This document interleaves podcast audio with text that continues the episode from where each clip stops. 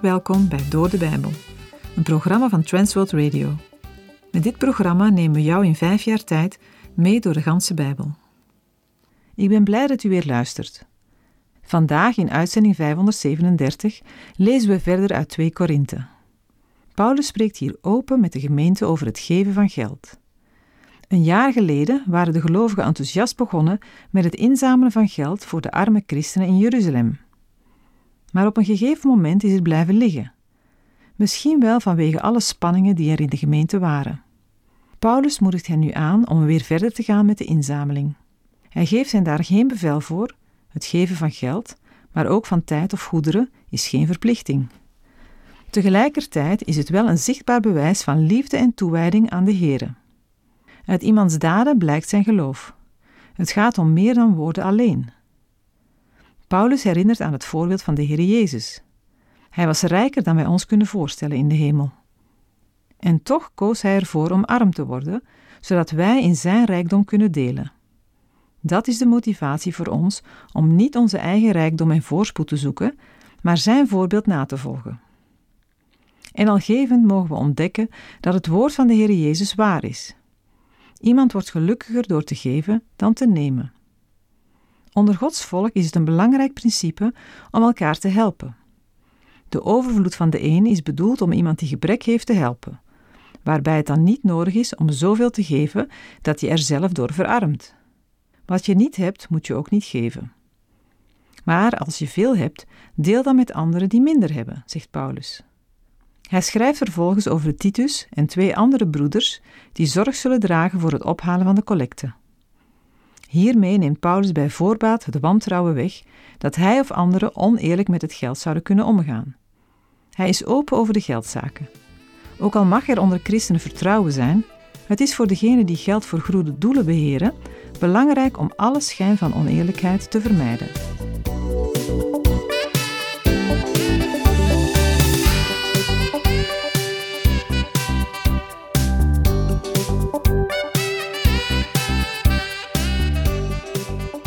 2 Korinthe 9 neemt Paulus de draad weer op van zijn betoog over de collecte voor Jeruzalem.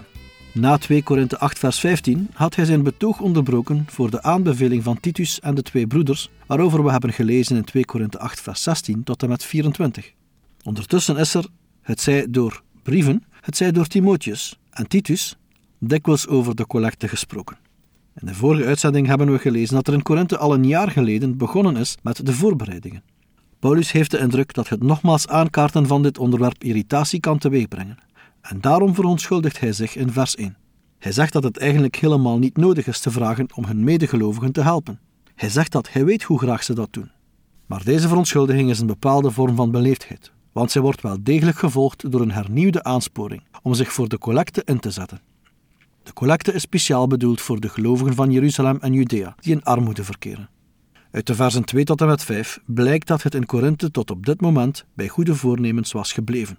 Het toegezegde geld was nog steeds niet bijeengebracht. Paulus wil er zeker van zijn dat dit gebeurt voordat hij een gezelschap van Macedoniërs naar Korinthe komt. Daarom heeft hij mannen vooruitgestuurd. Sinds het einde van 2 Korinthe 1 heeft de apostel niets meer over zijn reisplannen gezegd. In 2 Korinthe 9 blijkt nu dat Paulus vrij snel uit Macedonië wil vertrekken en het voornemen heeft om naar Achaïe te komen, waar Korinthe de hoofdstad van is. Uit Handelingen 20 weten we dat dit reisplan inderdaad uitgevoerd is. Paulus schrijft verder dat er misschien Macedoniërs meekomen, met het doel om zowel de collectegelden uit Macedonië als die uit Achaïe over zee richting Judea te brengen. Als de collectegelden niet klaar liggen, zal niet alleen de geloofwaardigheid van Paulus, maar zeker ook de geloofwaardigheid van de gelovigen uit Achaïe in de ogen van de Macedoniërs ernstig schade lijden. De collecte wordt een zegening genoemd. Dit drukt zowel de instelling van de gevers uit, zij willen zegenen, als de reactie van de ontvangers, zij ontvangen een financiële zegen. Maar alleen als alles van tevoren opzij gelegd en van tevoren wordt ingezameld, zal de collecte inderdaad het karakter van een zegen hebben. In alle andere gevallen zal het blijk geven van gierigheid en een niet willen delen met anderen. Als de gelovigen in Korinthe en Achaïe op het laatste moment geld afstaan, dan zal dat niet echt een offer zijn. Paulus verlangt naar een gulle gave en niet naar een afgedwongen, karige collecte. En vergeet niet, hij vraagt dat niet voor zichzelf, maar voor de nood van de verarmde gelovigen in Jeruzalem. 2 Korinthe 9, vers 6. En dit zeg ik: wie karig zaait, zal ook karig oogsten. En wie zegenrijk zaait, zal ook zegenrijk oogsten. Paulus laat zien hoe belangrijk het is om een royale, zegenrijke gift aan de gelovigen van Judea te brengen. Want aan dit geven is een beloning van Gods wegen verbonden. Paulus gebruikt ter illustratie een spreekwoord dat ontleend is aan de landbouw. Een boer die weinig zaait, zal maar weinig oogsten. Maar wie veel zaait, zal ook veel oogsten. Gelijksoortige voorbeelden vinden we in Spreuken 22, vers 8 en Galaten 6, vers 7. Weinig geven komt overeen met gierigheid. Het staat tegenover veel geven, dus zegenen. Het gaat hier om de manier van geven. Daarin kan de gelovige terughoudend of royaal zijn. Mogelijk speelt hier ook Gods belofte aan Abraham een rol. We lazen het in Genesis 12, vers 3. Daar staat: Ik zal zegenen wie u zegenen, en wie u vervloekt zal ik vervloeken. En in u zullen alle geslachten van de aardbodem gezegend worden. Wanneer de gelovigen van Achaïe en Korinthe hun broeders en zusters in Judea zegenen, kunnen zij een zegen van de Heere terugverwachten. In Handelingen 20, vers 35 zegt Paulus tegen de leiders van de christengemeente van Efeze: Ik heb u in alles laten zien dat men, door zo te arbeiden, het moet opnemen voor de zwakken en de woorden van de Heer Jezus in herinnering moet houden, namelijk dat Hij gezegd heeft: Het is zaliger te geven dan te ontvangen. Het zal ons ook gelukkiger maken om te geven dan om te ontvangen. Een van de redenen dat sommige christenen vandaag zo geestelijk arm zijn, is omdat ze zo terughoudend zijn als het om geven aan de dienst van de Heer en zijn gemeente gaat. Laten wij onszelf onderzoeken of er op dit punt in ons, in jou en mijn leven, dingen moeten veranderen. 2 Korinthe 9, vers 7. Laat ieder doen zoals hij in zijn hart voorgenomen heeft, niet met tegenzin of uit dwang, want God heeft een blijmoedige gever lief. Paulus' aansporingen om royaal te geven hebben niet de bedoeling de gelovigen onder druk te zetten. God houdt ervan dat mensen met een blij hart geven en niet met tegenzin. Als wij niet blijmoedig kunnen geven, wil de Heere onze gaven niet hebben. 2 Korinthe 9, vers 8. En God is bij machte elke vorm van genade overvloedig te maken in u, zodat u, wanneer u in alles altijd al het nodige bezit, overvloedig kunt zijn in elk goed werk. In de genade van de vrijgevigheid is er sprake van een wisselwerking tussen de Heer en de gelovigen. Laten we bij alles bedenken dat God zijn genade geeft in overvloed, zodat we niet alleen zelf alles krijgen wat nodig is, maar het ook royaal met anderen kunnen delen. Wie met blijdschap geeft, zal zeker door de Heer ook met aardse goederen worden gezegend. In 1 Timotheus 6, versen 17 en 18 schrijft de apostel Paulus aan zijn medewerker Timotheus het volgende. Beveel de rijken in deze tegenwoordige wereld dat zij niet hoogmoedig zijn en hun hoop niet gevestigd houden op de onzekerheid van de rijkdom, maar op de levende God, die ons alle dingen in rijke mate verschaft, om ervan te genieten. Ook om goed te doen, rijk te zijn in goede werken, vrijgevig te zijn en bereid om samen te delen. Omdat de Heer al deze dingen in zijn handen heeft, moeten de gelovigen van Achaïe en Korinthe niet bang zijn dat zij zullen verarmen. Paulus stelt dat de Heer zodanig voorziet dat de gelovigen alles zullen ontvangen wat voor een redelijk bestaan nodig is, en daarnaast de mogelijkheid om van hun ontvangen zegeningen uit te delen. 2 Korinthe 9, vers 9. Zoals geschreven staat: Hij heeft uitgestrooid, hij heeft aan de armen gegeven, zijn gerechtigheid blijft tot in eeuwigheid. Paulus illustreert zijn onderwijs met een vrije aanhaling uit Psalm 112, vers 9. Daar staat: Hij deelt mild uit, hij geeft aan de armen, zijn gerechtigheid houdt voor eeuwig stand. Zijn hoorn zal met eer opgegeven worden. Paulus gebruikt voor hij heeft uitgestrooid het Griekse werkwoord escorpisen, waarschijnlijk omdat daarmee een beeld van het zaaien, het uitstrooien van zaad, wordt opgeroepen. 2 Korinthe 9 vers 10 Hij nu die de zaaier zaad verschaft, mogen ook brood tot voedsel schenken en uw zaaihoed doen toenemen en de vruchten van uw gerechtigheid vermeerderen. Het verdelen van een deel van zijn bezittingen aan de armen is een goed werk met eeuwigheidswaarde een daad van rechtvaardigheid, die in de eeuwigheid wordt beloond. Voor alle duidelijkheid, daaruit kan niet worden afgeleid dat iemand door het weggeven van bezittingen of geld zichzelf zou kunnen rechtvaardigen en eigen zonden zou kunnen bedekken of verzoenen. Rechtvaardigheid ontvangt een mens uit genade door het geloof in Jezus Christus. Goede en rechtvaardige daden vloeien als vrucht van de geest uit het geloofsleven voort. Goede daden bevestigen wel de verkregen rechtvaardigheid en worden door de Heer beloond dat God bij machte is de gelovigen zoveel te schenken dat zij overvloedig kunnen geven, vinden we in dit vers als een belofte terug. 2 Korinthe 9, vers 11. Zo zult u in alles rijk worden, in staat tot alle vrijgevigheid, die door middel van ons dankzegging aan God teweeg brengt. Zoals we al zagen, voor de gelovige leidt de ontvangen rijkdom tot een grotere bereidheid om uit te delen. De wisselwerking tussen de genade van God en de vrijgevigheid van de gelovigen kent op deze manier geen eind. En het gaat nog verder, want de vrijgevigheid van de gelovigen bewerkt ook dankzegging aan God. Het gaat hier specifiek om het dankgebed van de gelovigen uit Judea en Jeruzalem voor de ontvangen gift. Uiteindelijk is het eerbetoon aan God het hoogtepunt van de hele inzamelingsactie. 2 Korinthe 9, versen 12 en 13. Want het betonen van deze dienst vult niet alleen de tekorten van de heiligen aan, maar is ook een overvloedige bron van vele dankzeggingen aan God. Want door dit bewijs van dienstbetoon verheerlijken zij God vanwege de onderdanigheid aan het evangelie van Christus, overeenkomstig uw beleidenis, en vanwege de gulle handreiking aan hen en aan allen. Het feit dat de gelovigen uit de Joden door deze inzameling, die voor hen bestemd is, op praktische wijze ervaren dat de gelovigen uit de niet-Joden echt met hen verbonden zijn, moet hen tot dankbaarheid aan God en tot erkenning van hun medebroeders stemmen. Joodse gelovigen in Jeruzalem danken de Heer voor gelovige heidenen uit Achaïe en Macedonië. Een mooie les voor vandaag. Laten we hopen dat er ergens iemand op de wereld is die God dankt voor onze gulheid. 2 Korinthe 9 vers 14 En in hun gebed voor u verlangen zij vurig naar u vanwege de alles overtreffende genade van God over u. De gelovigen uit Judea en Jeruzalem zullen de gelovigen uit de heidenen liefhebben. Dus, bij al deze dingen gaat het om een ervaren en erkennen van de eenheid binnen het lichaam, de gemeente van Christus. Wanneer dit gebeurt, zijn ook de Joodse vooroordelen overwonnen en heeft de inzameling van Paulus zeker zijn doel bereikt. 2 Korinthe 9, vers 15. Ja, God zij dank voor zijn onuitsprekelijke gave. Met andere woorden, dank God voor zijn zoon, die hij heeft gegeven. Dat is zo geweldig dat er geen woorden voor zijn. De liefde van God is uiteindelijk niet in menselijke woorden te vatten. Het gaat het menselijke begrijpen te boven. Er zijn geen woorden voor.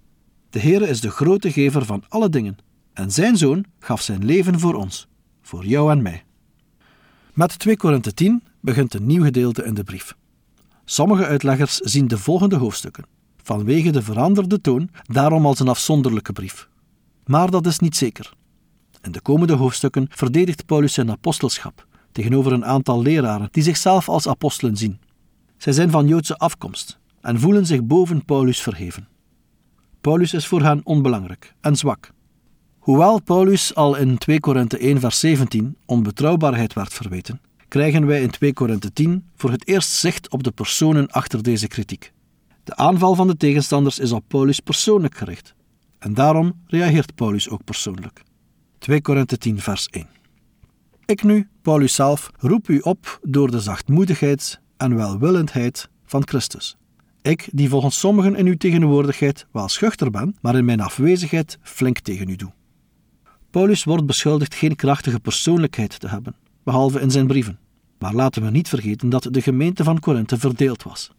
De meerderheid van de gemeente eerbiedigde het gezag van de apostel Paulus wel. Er was een minderheid die zich tegen Paulus verzette en zijn gezag als apostel verwierp. Paulus verdedigt zich met een verwijzing naar het karakter van de Heer Jezus, die op aarde een voorbeeld van zachtmoedigheid en vriendelijkheid was. De Heilige Geest heeft ook in de van nature fanatieke Paulus zachtmoedigheid bewerkt, zodat hij in de persoonlijke omgang een nederig man was.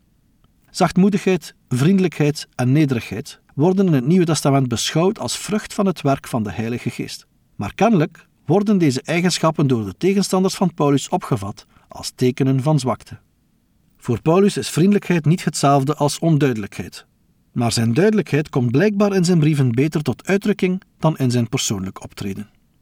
2 Korinthe 10 vers 2 Ja, ik smeek u dat ik, wanneer ik aanwezig ben, niet flink hoef te doen, met de vrijmoedigheid waarmee ik meen het te moeten opnemen tegen sommigen die van mening zijn dat wij naar het vlees wandelen. Dit vers maakt duidelijk dat de kritiek die de tegenstanders op Paulus en zijn medewerkers hebben, verder gaat. Zij zouden op een te menselijke wijze optreden. Een dergelijk verwijt lazen we ook al in 2 Korinthe 1 vers 17. Door te smeken wenst Paulus uitdrukkelijk dat hij niet krachtig zal moeten optreden. Zodoende reageert hij duidelijk op de beschuldiging van Paulus' tegenstanders, namelijk dat hij niet durft optreden, Paulus weet dat hij de plicht heeft zijn tegenstanders te ontmaskeren. 2 Korinthe 10 vers 3 Want al wandelden wij in het vlees, wij voeren geen strijd naar het vlees. Paulus' tegenstanders kijken te veel naar de buitenkant van de dingen, naar dat wat zichtbaar is, en zij kunnen de binnenkant van het hart niet beoordelen. Paulus heeft een apostolisch gezag van de Heere zelf ontvangen, maar kwam als tentenmaker naar Korinthe. Hij zorgde zelf voor zijn inkomen en onderhoud en was niemand tot last. Hij werkte de hele dag, zweette en zijn handen werden vuil. De tegenstanders van de apostel konden dat niet begrijpen. Ze verwachten waarschijnlijk andere zaken van hun leider. Paulus is wel een gewoon mens, maar gaat niet op een menselijke wijze te werk om de strijd te winnen. Paulus heeft een vergankelijk menselijk lichaam en moet met de beperkingen en zwakheden van zijn lichamelijk bestaan leven. Het leven van een gelovige, en zeker van een verkondiger van het evangelie, kan gezien worden als een strijd. Een strijd tegen de zonde in het eigen leven en een strijd tegen tegenstanders van de verkondiging van het evangelie. Hoewel de gevolgen van die strijd door Paulus ook op het niveau van het lichaam worden ervaren, wordt deze strijd door hem niet op een menselijke wijze gevoerd. Hij maakt geen gebruik van de strijdmiddelen van de oude, zondige natuur, zoals geweld, intimidatie, verdrukking, manipulatie, leugen, laster en vergelding. De strijd is een geestelijke strijd. In zijn brief aan de Efeziërs schrijft Paulus: Want wij hebben de strijd niet tegen vlees en bloed, maar tegen de overheden, tegen de machten, tegen de wereldbeheersers van de duisternis van dit tijdperk, tegen de geestelijke machten van het kwaad in de hemelse gewesten. Als mensen zich als tegenstanders van de gemeente of de apostel opstellen, dan ziet Paulus daarachter de inspiratie en werking van slechte machten. Daarom is de strijd niet tegen mensen. In Efeziërs 6 noemt Paulus vier categorieën van geestelijke machten, die onder leiding van de duivel de echte vijanden van de gelovigen zijn. Al deze machten zijn actief in en vanuit de onzichtbare wereld of de hemelse gewesten. Zij nemen een plaats in onder Christus en de gemeente, maar boven de zondige mensen op aarde. Het zijn ook onze vijanden.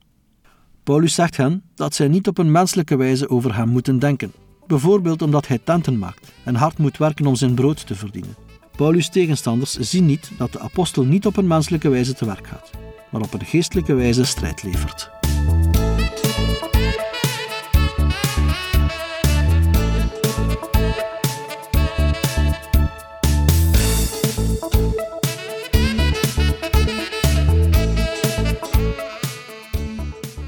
Heeft geluisterd naar Door de Bijbel, een programma waarin we in vijf jaar tijd de ganse Bijbel bespreken. De basis voor het programma is de Bijbelstudiereeks van Dr. Vernon McGee, Through the Bible. Deze werd in het Vlaams vertaald en bewerkt door Transworld Radio. U kan elke werkdag naar een nieuwe uitzending luisteren en u kan ook steeds voorbije uitzendingen opnieuw beluisteren of downloaden. Als u wilt reageren op deze uitzending of u heeft vragen, dan kunt u uiteraard contact met ons opnemen. U kan een e-mail sturen naar doordebijbel.twr.be. Verder kan u op onze site terecht, www.twr.be, voor meer info en het beluisteren van onze overige programma's. Dit programma werd gepresenteerd door Patrick Couchement en Anne Notenboom. Wij danken u voor het luisteren en graag tot een volgende keer.